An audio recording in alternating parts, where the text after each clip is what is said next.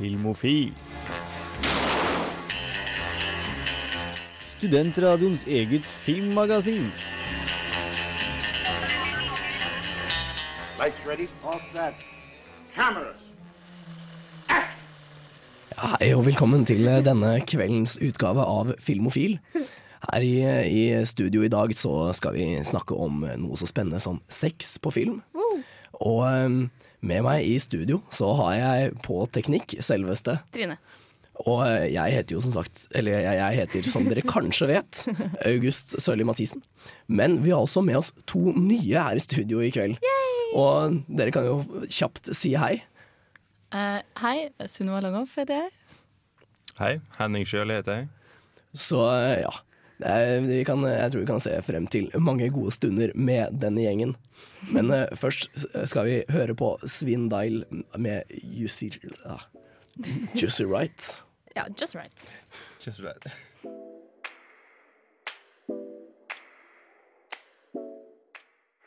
Ja, her på Filmofil så pleier vi ofte å prate litt om det vi har eh, sett i det siste. Og eh, Sunniva, hva har du sett eh, sånn ja, siste uka? Uh, det aller siste jeg har sett, er faktisk A Neverending Story. Eh, ja, det var første gang jeg så den, da. Så det var litt rart å se den i så stor alder, kanskje. Ja, du er ganske fan av den, er du ikke det, Trine? ja, men jeg griner jo hver gang jeg ser den. Jeg, jeg har ikke sett den. Hvordan er, det? Hvordan er den filmen? Altså, den er jo kanskje noe utdatert, da, i hvert fall når det kommer til de visuelle effektene. Ja. Eh, eller det er vel ikke noe særlig visuelle effekter. eh, så for meg, da, som aldri har sett den og ikke har noe forhold til den fra før, så var det kanskje ikke det beste jeg har sett. Men eh, ja, det var litt koselig, da. Det var sånn barndomsfil. eh. Ja. Mm. Har du noe å tilføye, Trine? Nei, nå bare Ajax. Det er jo Faen helvete, den hesten. Hæ? Mm. Dyr i film, jeg takler det ikke så veldig bra hvis han dør. Nei, det, Sånn spoiler alert for en film som er litt gammel. Det, kommer jo, det skal jo komme en reboot av den på et tidspunkt. Apropos dyr i film, så har jeg sett John Wick. Ja. Og dere har sett den, dere to? men Ikke Jeg Du har ikke sett den? Nei, Nei jeg så den for første gang i går, faktisk. I går kveld. Uh, jeg har sett den ene scenen i starten, når de russerne kommer inn i huset hans, Ja. og han snurrer rundt og dreper folk. Den har jeg sikkert sett fem ganger på YouTube, og den digga jeg. Så jeg gleder meg skikkelig til den filmen. der Den var skikkelig bra, altså. Men jeg hadde kanskje litt for høye forhåpninger.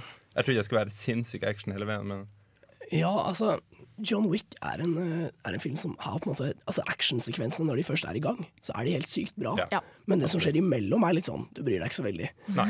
Um, men altså, det, det er noen scener der som er helt, helt rå.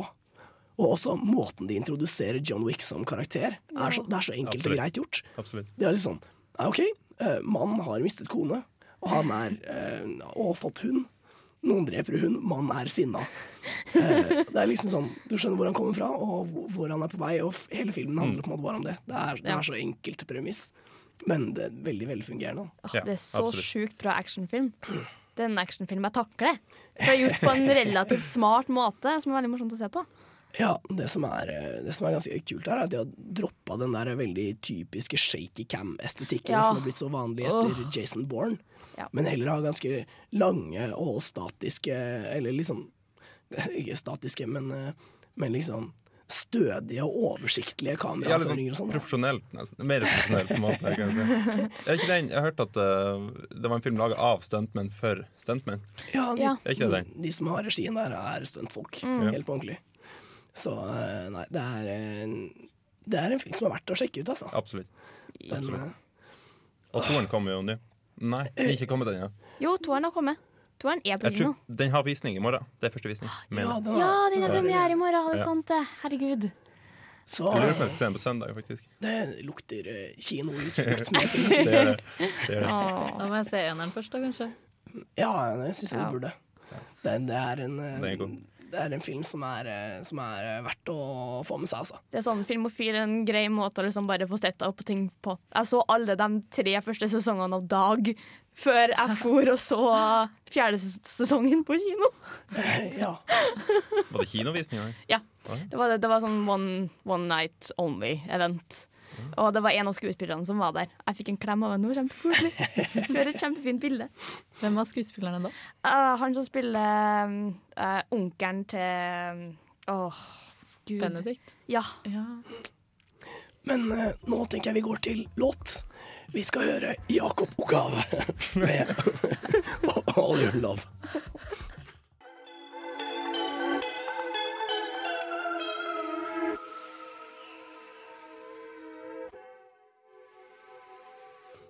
Ja, her fikk dere altså Jakob Ogave med All Your Love.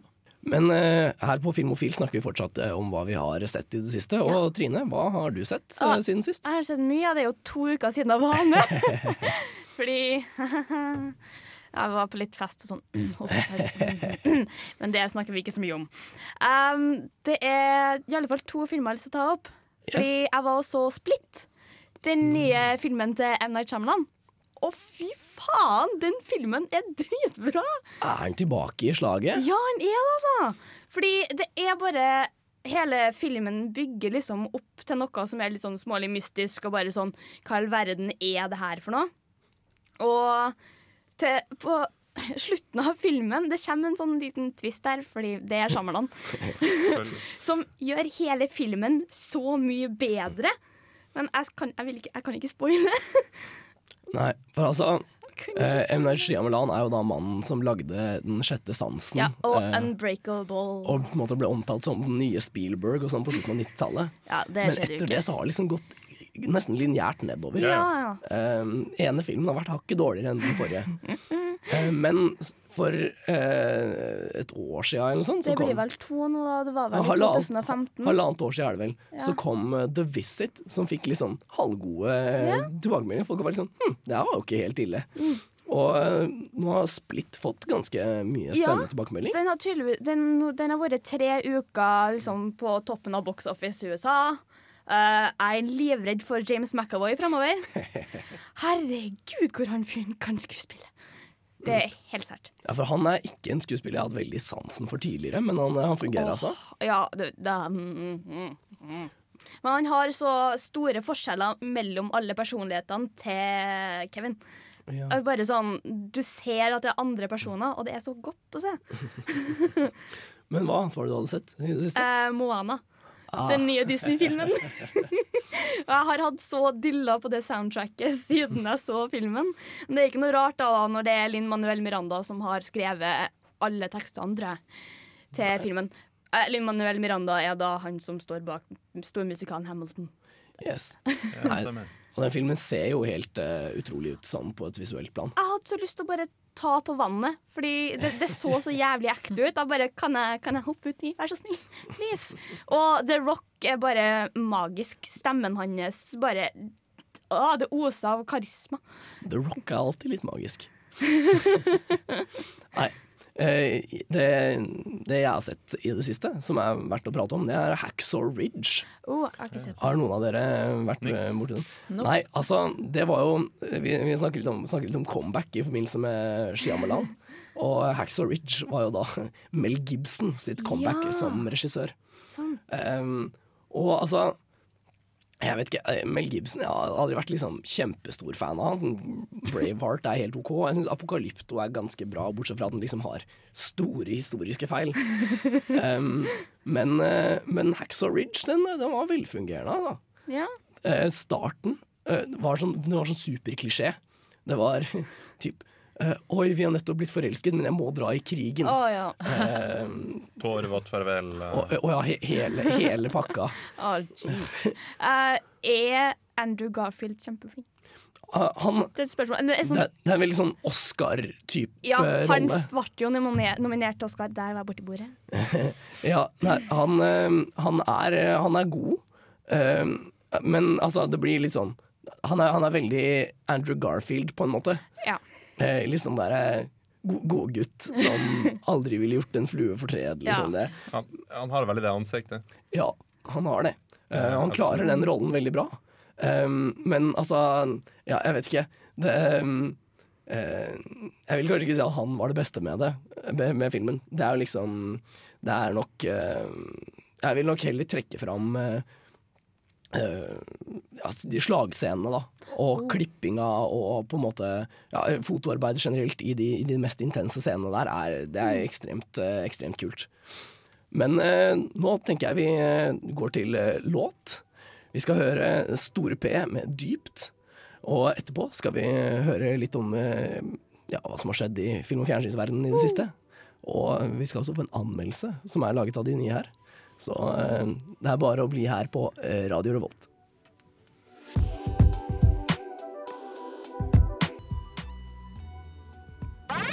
Filmofil gir deg nyhender fra filmen og fjernsynets i spanende verden. Ja, og hva slags eh, nyheter fra film- og fjernsynsverdenen er det du har til oss i kveld, Trine? Ja, litt forskjellig, faktisk. Fordi um, det skal jo komme en live action-versjon av Aladdin. Ja. Og ifølge produseren, så pro Produsenten. Det er litt vel engelsk. Uh, så skal ikke filmen white, whitewashes denne gangen her. Eller de, de, De skal ha en veldig diverse cast. ja, for de hadde vel ganske stor Altså Dette er jo en del av Disney sitt prosjekt med å på en måte lage live action-versjoner av alle de gamle Alle de gamle tegnefilmene sine. Everything. For å fornye alt av um, ja, rettigheter, kanskje? Rettigheter og litt så, sånne ting. Eh, men de hadde vel veldig suksess med å, med å gjøre nettopp, eh, nettopp det med Jungelboken. Ja. Og faktisk caste en indisk eh, gutt. Ja. Han var jo nesten den eneste på sett, da. Han var jo også utrolig flink. Han, Å, eh, han var jo fantastisk i den rollen. Og Ja. å få en så, et så lite barn til å spille når han er alene på sett, og alt det andre Ja. lages i ettertid, er jo utrolig. Det er ganske, det er ganske imponerende. Jeg har ikke sett uh, filmen, jeg, da. Nei, ikke jeg har sett deler. Um, men, Ikke. eh, Er den eneste? Ikke sant? men, eh, men filmen solgte i hvert fall veldig bra. Ja, den gjorde det. Um, det var en av de største um, box office-suksessene box office-suksessene i, i løpet av hele fjoråret. Ja. Um, og altså, det er, de har holdt ganske høy kvalitet på de live action-adaptasjonene som har kommet Ja. til nå. Den var det. Altså, de har jo klart å holde på feelingen fra de gamle Disney-filmene, både i Cinderella og i Jungelboken. da. Ja. Ja. Så jeg har veldig trua på Aladdin, egentlig. Den eneste som virkelig ikke har fått sær, særlig gode anmeldelser, var jo, uh, var jo Tarzan. Og den har jeg ikke sett. Men det var Warner Bros. og ikke eh, Disney. Var det det? Ja, jeg Ah. er ganske sikker på. Jeg trodde den var en del av samme opplegget. Nei, for det er jo heller ikke en adopsjon av de gamle Disney-filmene. Det er jo mer den derre real Ja, Tarzan-story. Den, ja, det er en ny ting. Men ja det, Jeg finner ikke knappen. Der er knappen. Sorry. Men ja, det ser ut som Aladdin ikke blir whitewasha, i alle fall. Ja. jeg liker å trykke på den der. Uh, Samurai Jack skal jo få en sesong fem. Ja. Det var jo en eh, TV-serie som gikk på Cartoon Network for eh, en god del år siden. Ja, jeg husker Da man gikk i sånn cirka fjerde klasse, Ja. eller sånt, så var det noe av det aller kuleste som fantes. Det var jo fantastisk! Ah. Men det var- handla jo om en samurai som da heter Jack, som um, um, var en kamp med en demon som heter Apu. Noe sånt. Noe og sånt. som ble sendt gjennom en portal til fremtiden, Ja. hvor uh, han Apu hersker, da. Ja. Eh, og må prøve å liksom komme seg, få reist tilbake i tid for Ja. å redde, redde hjemlandet sitt og Ja. sånn. Så sesong fire slutta vel bare. Og det var liksom Det kom ingen ordentlig resolution til showet i det hele tatt. Og det kom en, det kom en trailer til sesong fem. I går, tror jeg. Eller for to-tre dager siden. Ja, det var i hvert fall i det siste. Jeg tror jeg har sett uh, Nei, den kom på mandag. Den ja. kom på mandag. Jeg satt og så på det på et møte. Men tydeligvis så skal sesong fem ha ti episoder og foregå 50 år etter fjerde sesongen var ferdig.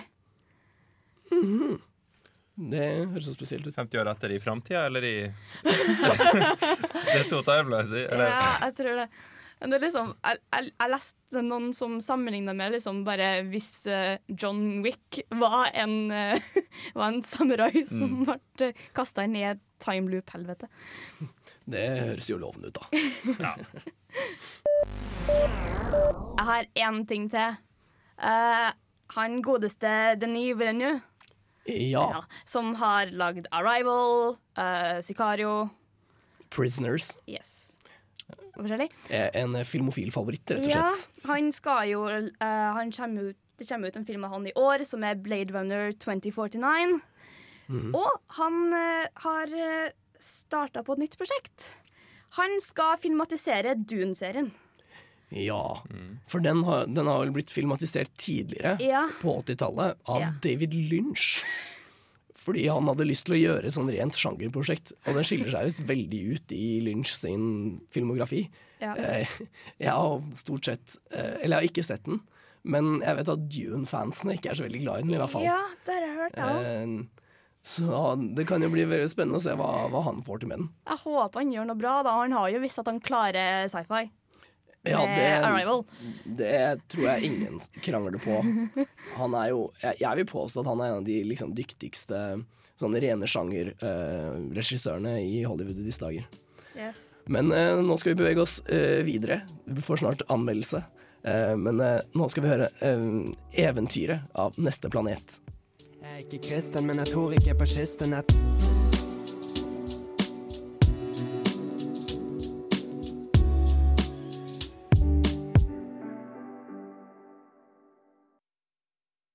For et program i burra med både klasse og stil. Du hører på Filmofil.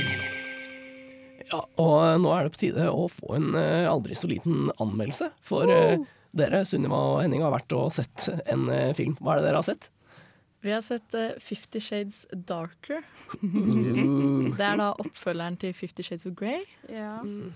var, var, det, var det en stor opplevelse? Tja. altså, det var jo en opptur etter film én, da. Det var vi enige om begge to. Ja. Absolutt. Men uh, om uh, det er den filmen jeg ville valgt å dra og se på kino, er jeg ikke sikker på. Ja, det, det, vi kan vel kanskje bare sette i gang. I want you back. I'm not very good at this. I've never wanted to try again. Have dinner with me. Okay, fine. I will have dinner with you. Because I'm hungry. But we are only talking, and that is it. Hvis du vil se kvalitetsfilm, er ikke Fifty Shades-trilogien veien å gå. Selv om Fifty Shades Darker er noe bedre enn Fifty Shades of Grey, er det vanskelig å glemme at det fortsatt er Fifty Shades vi snakker om. Filmen starter der den første filmen sluttet. Anastasia er fortvilet over at hennes forhold til Mr. Grey ikke fungerte, men da han uventet dukker opp på hennes venns fotoutstilling, går hun motvillig med på å gi forholdet et nytt forsøk. Siden lista over negative ting er så lang, kan vi jo starte med noe hyggelig. Fifty Shades Darker gjør i grunnen en god jobb som oppfølger. Den gjentar på ingen måte historien fra film 1 og tar hovedkarakterene i en ny retning. Selv om alle bikarakterene fortsatt er like strippet for personlighet som en våt klut, skal det sies at hovedkarakterene faktisk har tjent litt personlighet siden forrige film. Anastasia, som tidligere bare var et tafatt brødhue, har i Fifty Shades Darker fått litt etterlengtet personlighet. Fra å virke som en seksåring som prøver å høres ut som en 14-åring, virker hun nå noe mer voksen og selvstendig.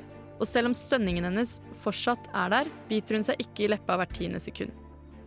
Mr. Grey har også hatt en positiv utvikling. Fra å være den tommeste karakteren vi har sett i film siden Jar Jar Binks, blir han i Fifty Shades Darker en karakter du faktisk kan sympatisere med. Gotta be quicker than that, Cray. Are you happy?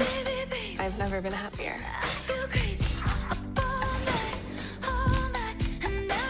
He's changing. Fifty Shades Darker er en mer underholdende film enn sin forgjenger. Det er mer spenning, og du får følelsen av at det faktisk står noe på spill for hovedkarakterene.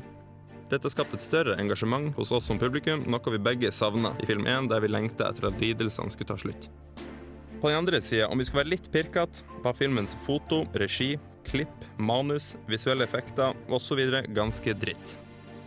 I tillegg til en allerede klissete, klisjéfylt og kjedelig dialog kommer Anastasias sukk, gisp, grynt og diverse ulyder. Dette skaper en klein og til tider komisk setting på lerretet. Karakterene er også relativt kleine i seg selv. De klarer ikke å gi oss inntrykket av å kjenne hverandre godt, men virker mer som en one night stand de møter på gata og er usikre på om heter Ida eller Møyfrid. I tillegg er de irriterende å se på. Alle i filmen, inkludert Anastasias kleine venn Jose, som dukka opp i tide og utide, har utseende med seg. Alle kunne seriøst vært modeller.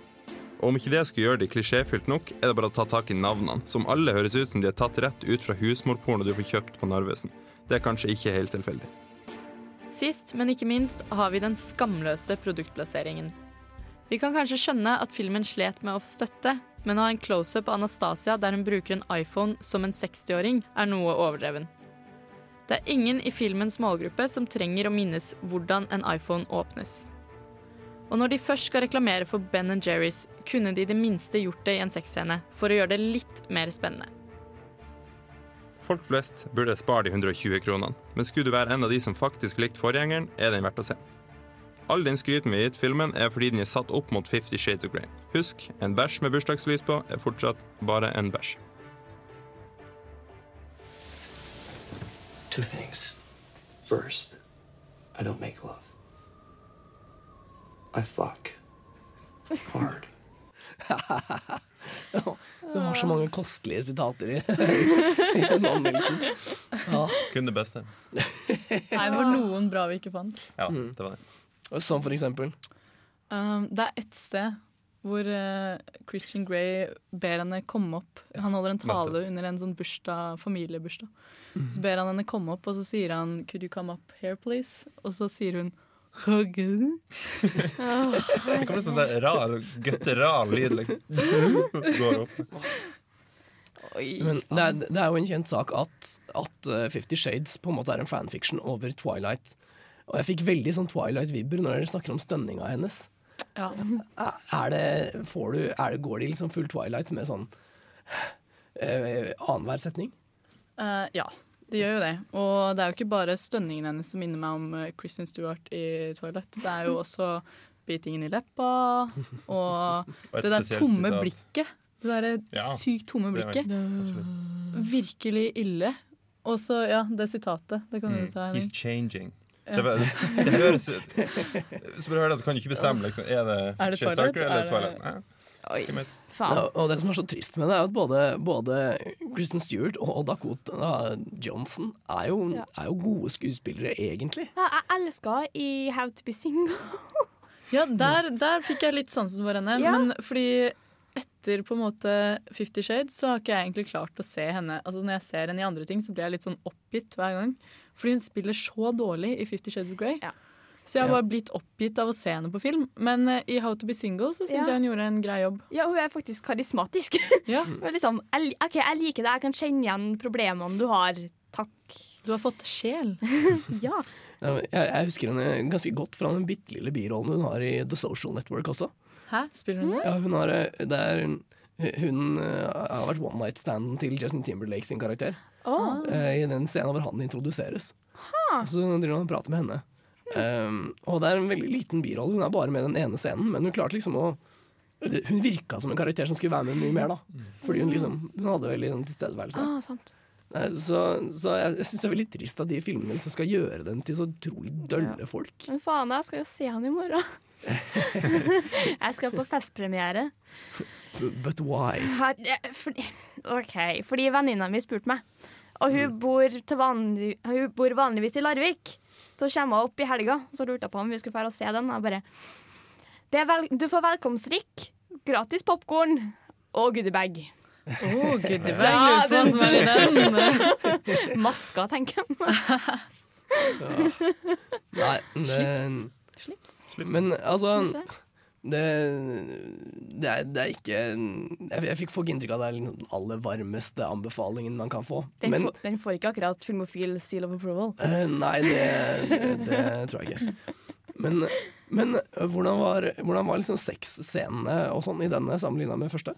Ja, vi drev og snakka litt om det i går. Fordi altså, På én måte syns jeg de er litt bedre enn i eneren. Jeg syns det er litt finere kamerabruk. Og ja, ikke så i eneren. Du snakket om én scene. Ja, det er en scene hvor kameraet ligger på sida av de mens de uh, har sex. Sant? Og så kutter kameraet til at uh, det er foran de, for å si det sånn. Ved sengekanten, liksom. Og da kommer det han fram. Og da skjønner du liksom ok, kameraet er på samme side, og kameraet hopper oppover til høyre. Ikke sant? Og der var handa. Ok, Så kameraet tilbake. Plutselig så kutta kameraet, og da kommer det en fot opp på akkurat samme vinkel. Så tenkte jeg, hæ? Hvem sin fot var det? Det var der handa var nettopp. Og så snur kameraet tilbake, og da var kameraet da på andre sida. Så da skjønte jeg at ah, ja, ok, så kameraet gikk på andre sida og bytta. Nei. Herre. Veldig rar kameraføring. En litt kaotisk film der, altså. Nei, det, det, det er nesten så jeg får litt lyst til å se den, bare for å kunne, for å kunne dømme den. Jeg gleder meg litt til i morgen. Det var eh, god latter. Ja, å gud, jeg gleder meg. Men ja, nå skal dere få høre Orango av Hazy, med Hazy Crazy Nei, Hazy Chain of Mountains.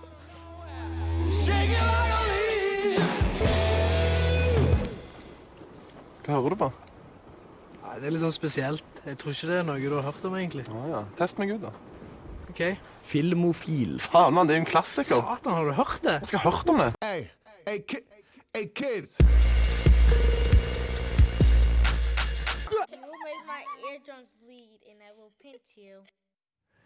Ja, og i, i anledning at vi har fått høre eh, om Fifty Shades Darker, så tenkte vi at eh, hvilken, eh, hvilken bedre anledning har vi til å snakke om eh, sex på film?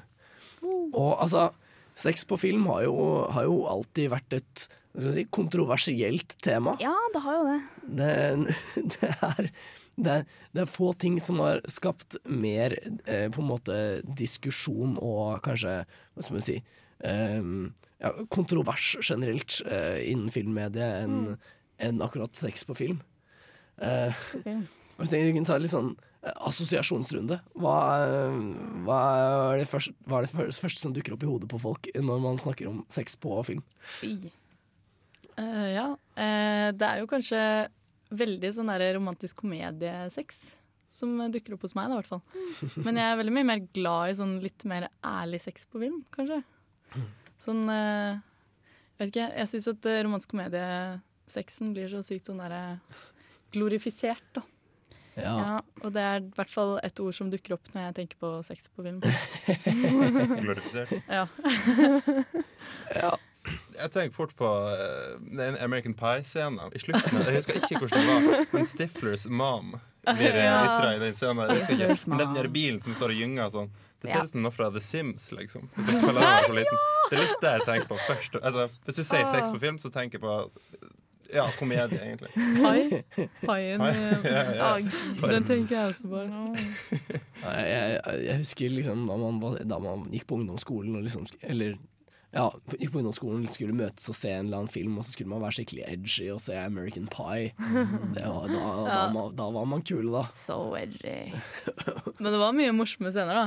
Det, Når han bruker lim som glidemiddel, eller oh. det derre Det, Det med sandwichen. Når han har sånn derre Han har sånn eh, peanut butter jelly sandwich, og så kommer hunden og begynner å spise det og sånn.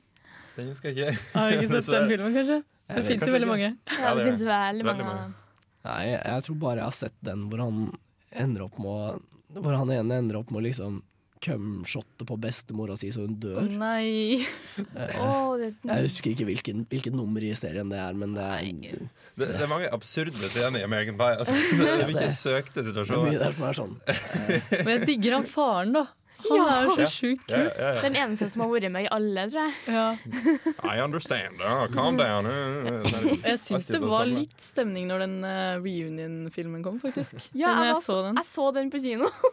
For altså, uansett om det på en måte ja, var morsomt da, så er det liksom det er nostalgien fortsatt. Da. Ja, sant. Men altså um, Sex på film kan jo spores eh, ganske langt tilbake i tid. Ehm, første tilfelle av liksom noe som lignet på intimitet, i hvert fall, Ja. Uh, på film var, kom jo allerede ble laget allerede av Thomas Edison.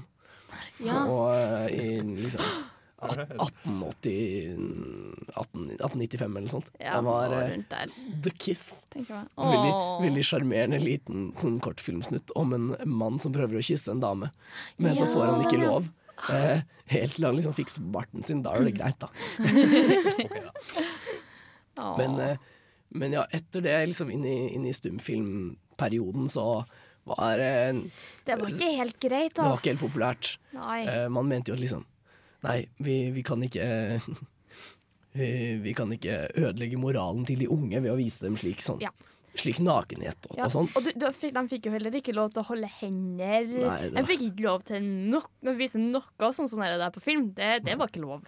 Nei, hele, og, man fikk jo hele Haze Code-greia Ja. som handla om at liksom alle filmer måtte godkjennes av et kontor for å passe på at de hadde skikkelig moral før, de, før de ble sendt på kino. Det var en veldig sånn selvsensurtrend. Men det er veldig søtt eh, i mange av de gamle, da, når det er sånn derre de må ha anstandsdamer, og de får ikke lov å være alene på rommet og sånn. Det blir veldig sånn komisk da, eh, Ja. i vår, vår moderne verden. Så er når jeg ser gammel film, så syns jeg alltid det er veldig morsomt. da. Eh, Og noe av det som er kult med det, er på en måte måtene de klarte å snike seg rundt. Eh, og, og på en måte vise, vise sex, da. Mm. Du har for eksempel i eh, Ja, Hitchcock er jo beryktet. Åh, North by Northwest. Det er fantastisk. Hele filmen slutter med at en tog går inn i en tunnel etter noen nesten kline. Det er vel nesten kline, for det var vel ikke lov til å vise det heller. På det tidspunktet? Jo, jeg lurer på om de fikk lov til å kysse, faktisk. Ja, de, ja, de kyssa, og så gikk toget inn i tunnelen, og så bare Hm, hva, hva kan det her være for noe? Men i Some Like It Hot så er det jo Men det er jo over i en litt nyere tid igjen, da. Men da, Ja. det er også på en måte litt tidlig for sin tid, føler jeg. Ja. Og der er de jo veldig åpne med det. Sånn, den sluttreplikken der er jo utrolig bra. Ja, det, det Screwball-komedien var jo en egen eh, sjanger. Ja. Men vi kan komme tilbake til det i, etter, en, etter en aldri så liten låt. Um, vi skal nemlig snakke litt om hvilke sjangere som assosieres med på en måte sex på film. Oh. Og hvordan sex gjøres i forskjellige sjangre. Um, men det får dere høre etter The XX med 'Dangerous'.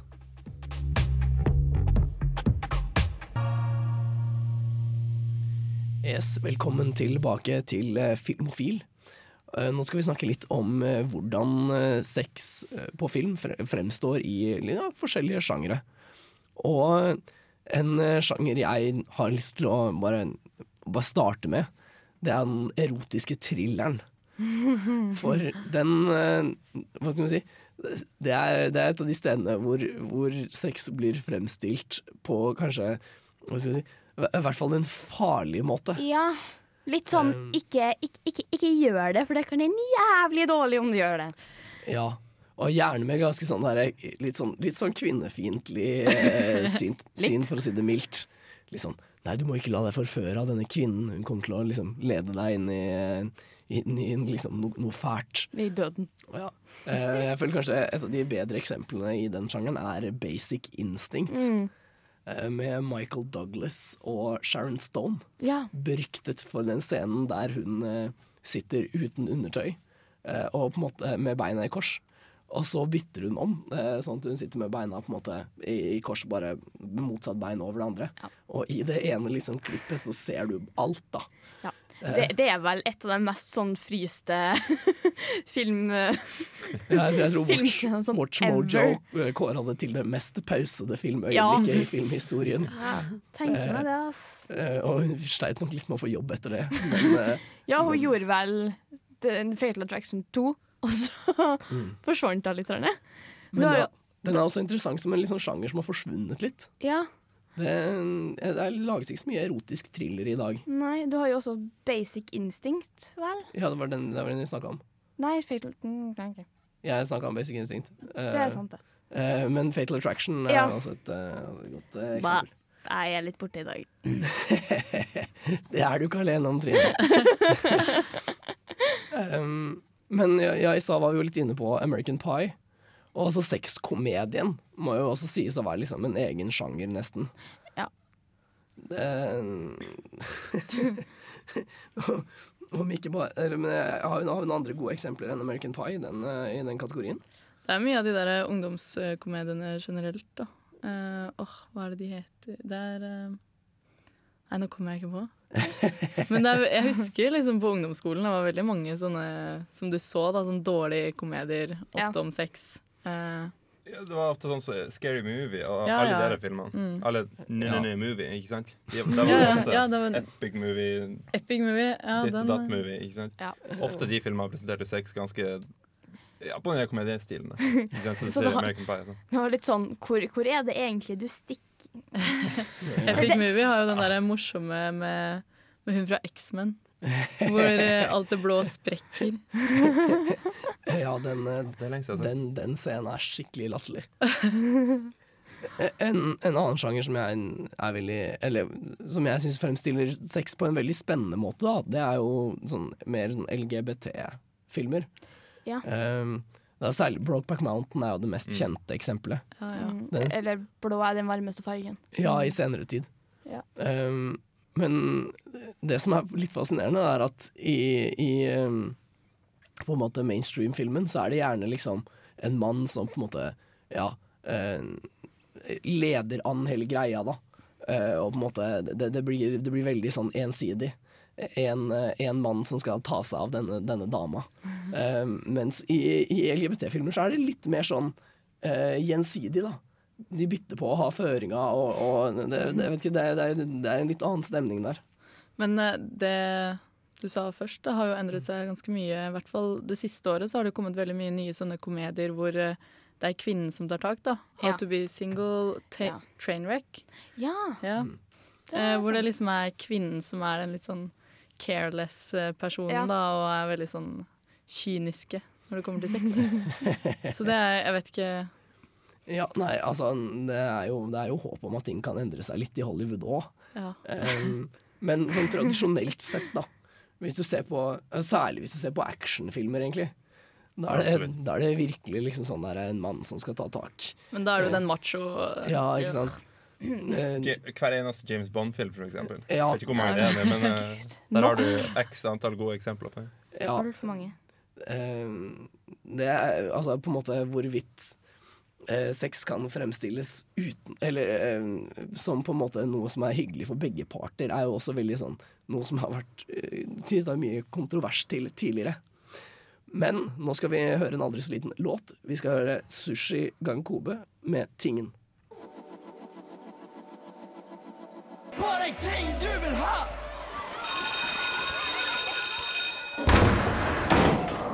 There will be no foolish wand waving or silly incantations in this class. No, okay, that's it for the day then. Today, we have a similar debate over this. Anyone know what this is, class? Anyone? Anyone? Anyone seen this before? Ukens hjemmelekse. Ja, og i, i denne uka har vi jo juksa litt, for i, i og med at vi ikke hadde sending forrige uke, så fikk vi jo ikke gitt ut noen ukens hjemmelekse. Men den filmen vi har tenkt å snakke om, er i hvert fall uh, Blue Valentine. Uh, og grunnen til at vi skal snakke om den, er jo egentlig sensur. For Blue Valentine er en, det er en veldig fin film. Eller veldig fin er å ta i, det er en skikkelig deprimerende film. Ja, jeg har jo Eh, hørt det. Eh, Det er en sånn film hvor du sitter igjen og har bare vondt i hjertet når du er ferdig. Um, men uh, den har i hvert fall Eller den, den handler om uh, Ryan Gosling og Michelle Williams, Ja. som uh, spiller et par som på en måte ja, er stormforelsket, men som ender opp med å gli fra hverandre. Da. Og vi føler på en måte begge, begge endene av, av deres forhold parallelt. da. Ja. Eh, men i hvert fall, grunnen til at den er relevant i denne sammenhengen, er at eh, de drar på et tidspunkt til sånn sexhotell. eh, for å prøve å liksom redde det som er igjen av forholdet. Åh. Ja, og de scenene som er der, er skikkelig Altså, det er, det er skikkelig fæle å se på. Men mer på et følelsesmessig plan enn at de er så veldig eksplisitte. Ja. Men plutselig så fikk filmen en C17-rating i USA. Og det er den Oi. strengeste ratingen man kan få. Hæ? Um, og eh, det bringer oss liksom inn på hva er det som, hva er det som kan eh, vises på eh, Hva er det som kan vises før du får på en måte ja, for streng, for st streng rating. Streng. Um, Streng, for altså, akkurat i sensur så er jo sex noe av det som slås veldig hardt ned på. Ja, nå er jo USA et land hvor Å, oh, gud. Hvor de heller viser ganske hardt skadede mennesker, da. Eller skyting og slikt, før de viser en pupp. Så Ja. det er jo kanskje ikke så rart at den filmen fikk den sensuren, da. det er mer penis. De viser ikke så mye penis. De viser en del liksom Ja, det er egentlig den siste de viser. Ja, de viser er nesten ikke aller, penis. aller siste. Jeg merker jo det i Fifty Shades. Ja. ja vi, vi, det viser absolutt alt utenom det. Men han har jo bedt om sånn penisprotest, Ja da, ja da, så det er jo ja kanskje Han har faktisk det. Men, eh, men nei, altså, noe av det som også er litt sånn kjipt med det, er at det er veldig stor forskjell på Eller kjønn har veldig mye å si, da. Eh, For noe av, eller, noe av grunnen til at uh, Blue Valentine fikk den NC17-ratingen, var at det var uh, I stedet for at det var en dame som gikk ned på en mann, så var det en mann som gikk ned på en dame. Og det var tydeligvis mye verre Oi. enn motsatt. motsatt. På en måte generelt kvinnelig seksualitet da knyttes det veldig mye tabu til. Um, et annet eksempel på det er jo Boys Don't Cry, som vi har snakket om eh, tidligere på Filmofil i, eh, i eh, høst en gang. Um, hvor du har en, en transseksuell mann, spilt av Hilary Swank, som på et tidspunkt blir, blir voldtatt. Og mm, da de fikk NC17-ratingen sin, da, så hadde de spurt liksom Ja, okay, hva, hva, er, det vi, hva er det vi må fjerne for at, for at eh, dere Dere skal gi oss en, en vanlig R-rating? De bare nei, dere må fjerne den eh, Dere trenger ikke å fjerne den siste, siste scenene hvor hun blir banka opp og liksom fysisk veldig brutalt skada. Men, men dere må fjerne den, den scenen hvor hun får en orgasme, for det er ikke greit. Eh, det, det er en del sånne ting som bare er sånn hvor, Hvordan er det de tenker, da? Og det som er så trist med det, er jo liksom Hva, hva er vel hva, er vel mer naturlig enn sex? Ja, det er det, da. Og, og hva er mindre naturlig enn drap? Liksom. Det, jeg jeg syns også det er veldig morsomt sånn forskjellen på USA og Norge. For jeg føler at I Mm. Norge så er foreldrene mye strengere på det med vold. da Ja. Da er de mye Ja. snillere på det med sex. Første gang jeg dro på eh, snek meg inn på en 15-årsgrensefilm, så sa jeg faktisk fra til mamma og pappa da, at jeg hadde tenkt å se James Bond. Jeg tror jeg var 12 eller noe. Eh, 12-13. Og så sier mamma og pappa sånn ah, 'Den er så voldelig, kan ikke du dra og se Fatso isteden?'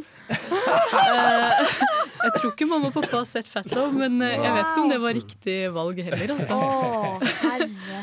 Det er tydeligvis viktigere å ha et godt forhold til sex enn å ha liksom, til vold. Det er jo egentlig det, da. Ja. Det er jo, altså, som du sier, sex er jo den mest naturlige tingen i hele verden. Mens eh, du skal jo ikke gå rundt og skyte ned folk eh, Nei, det er på gata. slemt. Det, det, Det er ikke snilt. Jeg tror vi alle har lært opp igjennom at det er, det er slemt. Nei, gjør det det? Jeg gjør det fortsatt. jeg. Um, åh. det, var en, eh, det var en ting jeg hadde glemt å ta opp, eller hadde tenkt å ta opp, men så datt det ut av den. Jo! Det, nå kom jeg på det. Um, eh, en annen ting som er ganske fascinerende, det er hvilken aldersgrense eh, f- ting får i forskjellige land. Ja. Og hva det sier om kulturen i de forskjellige landene. Sant. Um, Hvis du googler liste over eh, på engelsk, altså vel, list of banned movies around the world, ikke sant? så ser du Ja. på I Norge er det veldig mange filmer faktisk som blir lovliggjort. Akkurat Norge går igjen i veldig mange av de listene. Ja, og det som jeg syns er litt gøy med Norge, er jo også det at nabolandene våre, som Danmark, de har jo alltid snillere ratings, nesten. Mm. Ja. Nei, men Det handler veldig mye om at Norge historisk hadde veldig streng filmsensur. Ja. Eh, så sent som 90-tallet så var det liksom enkelte filmer som ikke ble satt opp på kino fordi folk mente de var for moralsk forkastelige. Og, eh, og selv i dag så er jo på en måte filmer som, som Itchy the Killer eh, er, er faktisk forbudt da, i Norge fordi den er for voldelig. Wow. Jeg liker at Life of Brian var var Forbudt, ja. Det, det hadde jeg faktisk tenkt å ta opp. Det er sånn Ja. Life of Brian. Ja. Men der er det jo religion igjen. Ja, Men det er religion. Det jeg egentlig skulle inn på, da, det var Fifty Shades. For sånn som i De fleste land ga den jo enten liksom 15 eller, eller en enda strengere rating. Men Ja. i Frankrike, der, skulle den, der fikk den tolvårsgrense. Mente at liksom Altså, tolvåringer kan jo selvfølgelig få se på, få se på dette. Ja, ja. Eh, Ja, men det er så, det er klisjé Frankrike. Det, det, er bare, det er bare greit å få en litt BDSM relativt tidlig. Ja, ikke sant. Man kan, kan like gjerne bare starte når de, når de er små. På med håndjern. Å ja. Men eh, nå skal vi ta en låt. Vi skal høre Pompoko med It's a Trap.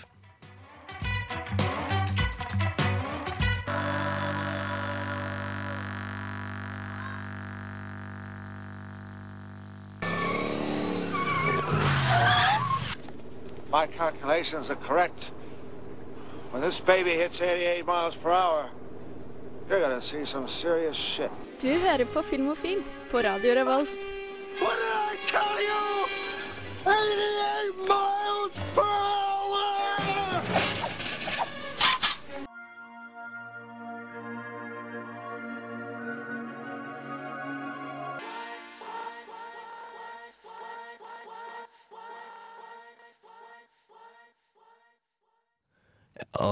Velkommen tilbake til uh, Filmofil. Her hørte dere Unnskyld. Ja, er vei. her, her fikk dere Methyl Ethel av, eh, av Ubu. Nei, Med Ubu. Ubu. av Ja. Med, methyl Ethel. Ja, vi er, så, vi er skikkelig syke hele gjengen i dag, så eh, beklager det. Enkelte oss er bakfull, andre oss er syke. Ja, Syk og bakfull. god stemning. Men som vi har vært eh, så vidt inne på tidligere i denne sendingen, så er det ikke alltid sex på film fremstilles så veldig hyggelig. Nei. Så vi tenkte like gjerne vi skulle eh, vie denne delen av sendingen til å snakke om forstyrra sex, rett og slett. Og altså, Det første eksempelet som dukker opp i mitt hode hver gang jeg tenker på forstyrret sex, det er Antichrist. Nei, nei, nei, nei. Eh, har, har noen av dere vært borti Antichrist? Ja. Jeg har sett ei scene fra den, og det er ute i et skur. Det er en mann som står der og jobber med det. han eh, Frank Nei. No, William Defoe. William Defoe, Dafoe, nei, stemmer. Han står og jobber med et eller annet i skuret, Ja. og så kommer ei dame inn og begynner å kjefte på han. You don't love me, et eller annet sånt. Mm. Og det leder inn i en veldig rar og kort sexscene. Hey, ja. Men det er kanskje ikke den som er Nei, altså den verste den, Ja, det er mye der som er Jeg vet, klarer ikke å bestemme for hva som er verst i den filmen, men det er i hvert fall en sekvens der hvor hun først liksom ødelegger testiklene hans med en vedkubbe, Ja, er den. og deretter gir han en handjob. Så det spruter liksom sånn Så det spruter en blanding av, av blod og sæd utover skjorta hennes. Den fikk jeg ikke med meg, nei. Nei, det er, altså, det er, en, det er en så forstyrra film at det er liksom altså, det er, det er, Jeg har aldri sett en film som har klart å sette meg ut mer enn Antichrist. Altså. Jeg, jeg har ikke lyst til å snakke om det her noe mer.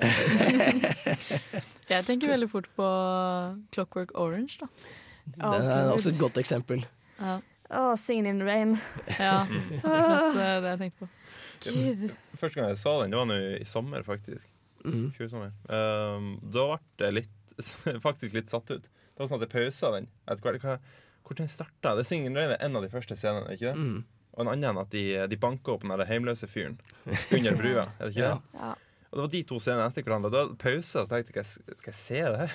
Jeg sendte en melding til han som sa jeg måtte se den, liksom.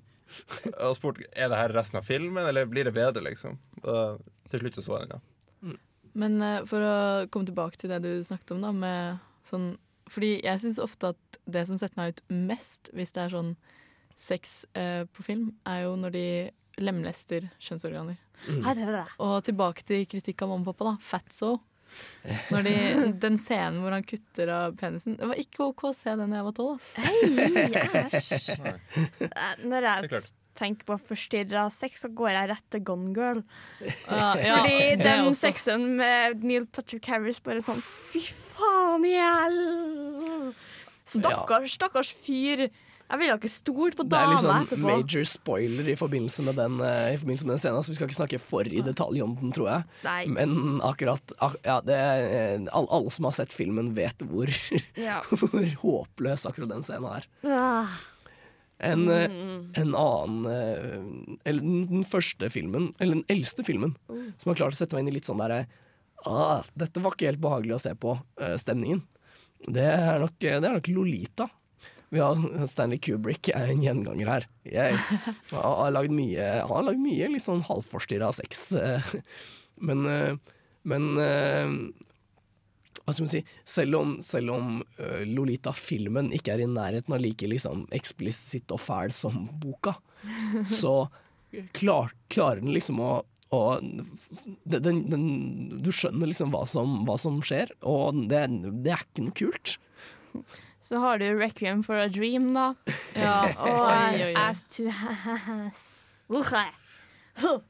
Eh, Nei. Ja. ja Nei. Det, er, det er også en sånn scene man bare ikke har noe lyst til å tenke på i ettertid. Jeg husker jeg, jeg, jeg, jeg så Requiem for a Dream på nytt Ja. her eh, for eh, ja, snart et år siden. Og jeg liksom trodde at ja, når, når jeg ser den andre gangen, så blir det litt lettere. Ja. Fordi da vet du liksom hvordan det går, og liksom, ja, du, du, du kommer til å klare deg bedre nå. Men det gjør ikke det, vet du. Nei, det, det ble ikke noe bedre, ass. Nei, det Nei, gjør ikke det. sant. Du- du- Jeg hadde samme opplevelse. Ja, du, du, når du vet hvordan det går, så blir det liksom bare, bare verre, fordi du sitter der og ser og, og bare vet at nei, dette kommer til å gå til helvete. Ja, det er nettopp det. Jeg så den igjen uh, like før jul, og det, det er som om Sånn som mora. Husker ikke hva heter. Det er liksom Du sitter og Ja. sier ha det til henne. Du vet at ja, det, det klikker, liksom. Snakkes. Men med den filmen så synes jeg det var sånn Fordi første gang jeg så den, så var det så sykt mye annet jeg la merke til ved filmen. Liksom. Den var så bra laga, da. Mens andre gang jeg så den, så tenkte jeg liksom ikke like mye over hvor bra laga den var. Jeg ble ikke like bra sånn, eller like positivt liksom den overraskelsen som første gangen. Så da ble det så mye mer fokus på alt det fæle. Så jeg ble egentlig mye mer sånn nedbrutt av den andre gangen. For da var det sånn derre. Ja, det er vel en av ulempene med å studere Eller med å jobbe med å lage film, vil jeg tro. Du tenker veldig Det blir lett eh, sånn man tenker over hvordan ting lages. Ja, man gjør jo det. En, en siste film jeg har veldig lyst til å trekke fram, er eh, Michael Hanekes 'Pianolærerinnen'. For eh, Michael Haneke er jo, i likhet med Lars von Trier, som lagde 'Antichrist', en ganske, en ganske mye fucked up film. Og han mm. lagde en med, med Isabel Huppert, hun som vant Golden Globe nå for beste kvinnelige Ja. skuespillerinne. Hvor hun eh, spiller en dame som har blitt misbrukt som barn. Eh, og det er særlig en scene der hvor hun eh, finner fram et barberblad, begynner å kutte seg i underlivet. Nei! Eh, Nei, nei, nei! nei. nei. For å tilfredsstille seg selv seksuelt. Og det er- tissen av det. Ja, ja det, jeg, jeg har sittet og gremmet meg liksom mang en gang over akkurat den scenen. Det er ja, Så med andre ord, det finnes Ah! veldig mye forstyrra sex der ute i filmmediet. Å, er glad vi er ferdig med det her nå. Bare hyggelig, Trine. Bare hyggelig. Her får dere Hajk med Best Friends.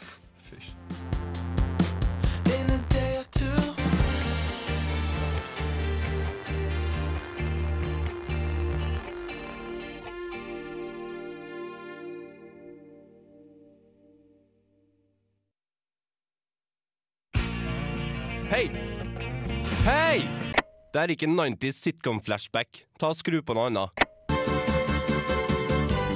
Ja, bedre, men prøv igjen. Der, ja!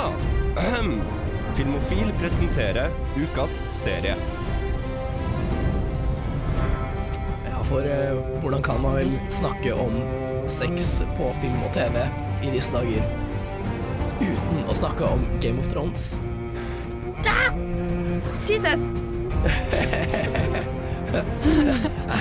Du kan godt høre hele, altså. Det går fint, det. Ting går ikke helt som jeg vil. Jeg husker ikke hvordan jeg slår av. Der. Der, ja. OK, nå, nå vet jeg hvordan jeg skal jeg har, jeg, har, jeg har litt tekniske problemer. Yes. Men det er bare sånn hvordan jeg får den av, det er et annet spørsmål. Nei, det går, det går fint. Men eh, som sagt, hva, hvordan kan man vel snakke om eh, sex på film og, eller på TV uten å snakke om Game of Thrones? For eh, er, det, er det noen som spiller på sex, så vil jeg vel påstå at det er de. Ja, og litt fucked up sex Eh, av og til. Incest, eh, incest er ikke akkurat så veldig koselig. Men det her har jo vært en ganske stor diskusjon nå rett før jul. Både med Westworld og Game of Thrones. Eh, at de spiller på sex. Men altså, jeg føler Jeg ville jo ikke sett noe mindre på det. Om sexen ikke var der. Så jeg syns ikke på en måte de gjør noe, da. Nei, de gjør jo ingenting, egentlig. Nei, jeg syns, jeg syns um, eh, folka bak Honest Trailers sa det veldig bra. It's sort of like a history test. Only with dragons and boobs. Ja, ja. liksom. det, men det er noe i det. For du, det, det går knapt et minutt i den serien uten at man ser en pupp. Ja, De er- Det er mye pupp, altså. Ja, det, det er ganske stor Det er en prosentandel nakenbilder der. Jeg prøvde en drikkelek i august hvor du skulle drikke Du skulle drikke hver gang du så et, eh, altså en pupp eller en tiss. Oi. Og så skulle du i tillegg, hvis det var en sexscene, chugge til sexscenen var slutt. Å, herre. Eh, det gikk ganske dårlig. Det var et sted Altså Første episoden vi så, så var det nesten Altså det var over ti minutter i strekk med sexscene, for de snakket mens de hadde sex, da. Og altså, jeg, jeg klarte ikke Altså, jeg ble ganske full og slukka etter én episode. Ja, det, det høres ikke ut som en, en sunn drikkelek. Nei, ikke prøv det hjemme. Men, eh, men ja, HBO generelt er jo ganske beryktet for å, å kunne vise så mye sex som de gjør. Ja. Um, og noe, noe av det som er litt morsomt med det, er at man har drevet ganske mye sånn Altså, på, på TV tidligere så var det veldig vanskelig å få vist eh, sex, fordi barn kunne jo se det. Mm. Og vi vil ikke forderve våre barns moral. Men så kom HBO, som sendte det på en måte på kabel. Ja. Og da fikk du bare tilgang på det hvis du, eh, du kjøpte akkurat den pakka. da. Mm. Og da kunne de tillate seg mye mer. Og, så på en måte historisk sett så har eh, eller, så Grunnen til at HBO har så mye liksom, ja, både, både vold og sex som de har, er ganske, det er ganske historisk rotfest. da. Um, Men jeg syns det er veldig bra at eh, de viser sex, for det er sånn Det åpner jo mye mer for sex på film. Som jeg personlig ikke syns burde være noe sånn tabu. Og det er jo fortsatt litt sånn i dag som vi har snakket om med kritikk og sånn, at eh, Nei, ikke kritikk, men aldersgrense. Mm. At det på en måte er grenser for hvor mye du skal vise og sånne ting. Og jeg er ikke åpen for at du viser alt, selvfølgelig. Men eh, jeg syns at HBO klarer å holde en ganske fin grense på det, da. Mm. Uten å gjøre det useriøst, uten å gjøre det overdrevent. Altså I HBO, særlig i Westworld, uh, der har det jo sin funksjon, da. Ja. Som du nevnte tidligere. Ikke sant? Det, er ikke, det, er ikke, det er spesielt i Westworld, kanskje ikke så mye i Game of Thrones, men i Westworld det er de robotene. ikke sant? Ja, og at det- menneskene kler nakne og sånn her, det har en funksjon. ikke sant? Mm. De ser på de som objekter, liksom. De gjør som de vil med dem. Fordi både Game of Thrones og Westworld var tatt opp i en kronikk rett før jul, eh, hvor det ble lagt ut om at det var altfor mye sex i de. Eh, men i Westworld, og da var det veldig mye kritikk mot at robotene i Westworld var nakne. Men eh, det er jo for å skape det synet på at de er roboter. De betyr Mm. ikke en dritt. Mm. Og det er jo en veldig enkel måte å vise det på, da. Det er jo Ja. veldig virkningsfullt. Og da skjønner jeg ikke hvorfor man skal klage på det, egentlig. Jeg syns det er lettere å kritisere Game of Thrones i den Ja. sammenheng. Ja, ja, ja. Eh, Der er det litt mer sånn Du, du hadde ikke trengt tre nakne jenter i den scenen. Det, det forteller deg ikke så mye. Nei. Det hadde holdt med én, for eksempel. Eh, og eh, nei, det, det er litt, mang- litt vel mange av de på en måte de, Særlig kvinneskikkelsene man møter da, som på en måte blir veldig neglisjert, som på en måte kun er der for, for sin nakne kropp sin skyld. Ja, ja. Og det er sånn, jeg, jeg vet ikke hvor kult jeg syns det er, egentlig. Men, men i, akkurat i Westworld syns jeg det er en veldig urettferdig kritikk. Ja, og i Game of Thrones så ser du faktisk nakne folk i gata. Ved flere omstendigheter, liksom. Ja. I Kings Landing sesong fem, også i, i Essos der. Mange steder i byene der. Nakne folk som bare går rundt, liksom. Men eh, det står jo en del til den stilen de prøver å ha i Game of Thrones, da, at de har så på en måte mye eh, sånn sex som ikke er så bra for kvinner, kanskje. Man kan, vel, eh, man kan vel argumentere for det også. Men eh, nå skal vi høre Spid Gevard med What You Have Become.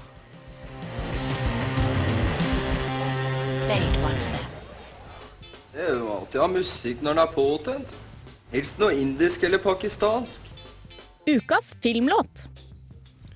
Ja, og ukas filmlåt denne uka, det er jo selvfølgelig, på en måte, uh, Halleluja. Uh, og grunnen til at vi trekker fram denne, er, uh, det er jo da Watchmen. Å, gud. For eh, vi har ikke snakket så mye om sånn skikkelig kleine sexscener eh, hittil. Men det finnes jo også nokså mange eksempler på. Oh. Eh, og det, det vi har valgt å trekke fram denne gangen, er jo den eh, særs vakre sexscenen mellom eh, Night Owl Ja. og um, nye Silk Spectre Ja. i, um, Ja, i, eh, i Watchmen. Ja. Og altså er, det, det finnes vel knapt noen kleinere sexscene i, i filmhistorien. Men det er sånn, jeg skjønner ikke hvordan de har seg hvordan... Det er bare sånn posisjonene de er i, hvordan funker det der? Og så er det litt sånn, Den begynner, og så tenker du sånn Oi, shit, dette var kleint. Og så bare fortsetter det i to minutter. To minutter. Det er langt, altså. Det er drøyt lenge. Ja, og liksom, Hvorfor fant de ut at halleluja var den passende låta å bruke? Og med Leonard Cohen, da. Som bare Ja, sånn ja, ja. Oi, this is kind of creepy. Den der smørstemmen som ligger i bakgrunnen. Secret- Litt sånn raspete stemme, liksom. Ødela sangen litt, ass, egentlig. Jeg merker at det, det er den eneste en av de få sangene jeg liksom, Leonard Cohen det kan jeg få til å synge selv i dag. Ja, men du har den der hese Ja, ja, ja. stemmen nå, vet du. Ja. Nei, men, eh, men, eh, men ja, man, denne sexscenen foregår jo da oppi på en måte eh, eh, det er superhelt eh, Fartøyet, fartøyet Ja. Eh, til, til han, eh, Night Owl. Um, og de har prøvd å ha sex tidligere i filmen, men det funka ikke. Ja. Eh, men så tar de på seg superheltantrekkene sine og kjører de ut dette fartøyet. så, Så plutselig plutselig så går det. Plutselig går det. Og så den raketten, da. Når, liksom, Ja. når sexscenen først er slutt, og så går, bare fyker den raketten av gårde. Nei, nei, Dårlig, liksom sånn Ja, nei, det er idet de kommer til orgasmen til Ja, ja. han, eh, til han eh, Night Patrick, Patrick Wilson sin karakter. Ja. Så, så, så fyrer de av flammekasterne. på raketten. Det er den dårligste liksom. Det er så, det er så latterlig symbolsk, liksom. ja, det er det. De kasta det trynet på deg. Sånn, der, der var de ferdige, liksom. Nå Takk. kom han! Takk. Ja, Det var skikkelig, skikkelig subtilt også. Ja. Ja, så, så nei. Uh, Sex på film, eh, det er ikke alltid det funker like bra. Ikke alltid det treffer.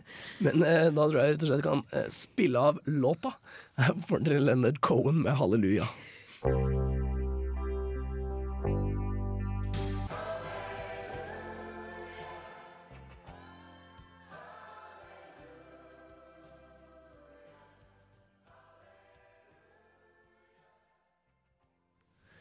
Ja, der fikk dere altså 'Halleluja' av Leonard Cohen. Oh. Eh, og nå skal vi gå fra skikkelig ræva sex på film til å snakke om våre favorittsexscener. Eh, fra ja, noen av våre favorittfilmer, rett og slett. Og eh, Sunniva, kan ikke du begynne? Eh, jo, det kan jeg. Eh, altså, min favorittsexscene Den teller kanskje ikke som en sexscene, for det er jo en fake orgasme. Men det er fra When Harry Met Sally. Når hun sitter inne på restauranten der og faker en orgasme.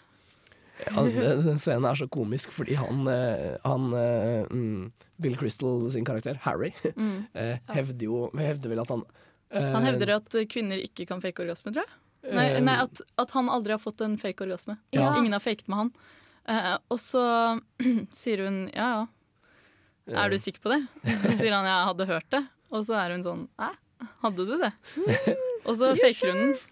Og det er bare så utrolig komisk. Alle på restauranten der bare retter blikket mot dem. Og hun ene dama som sitter der, sier jo til og med I'll have what she had. Ja. I'll, Etter, have, I'll have what she's having. ja. etter, etter at hun er ferdig. Ja. Veldig bra scene, syns jeg, da. Bra, ko eller bra romansk komedie også, for så vidt. Yes.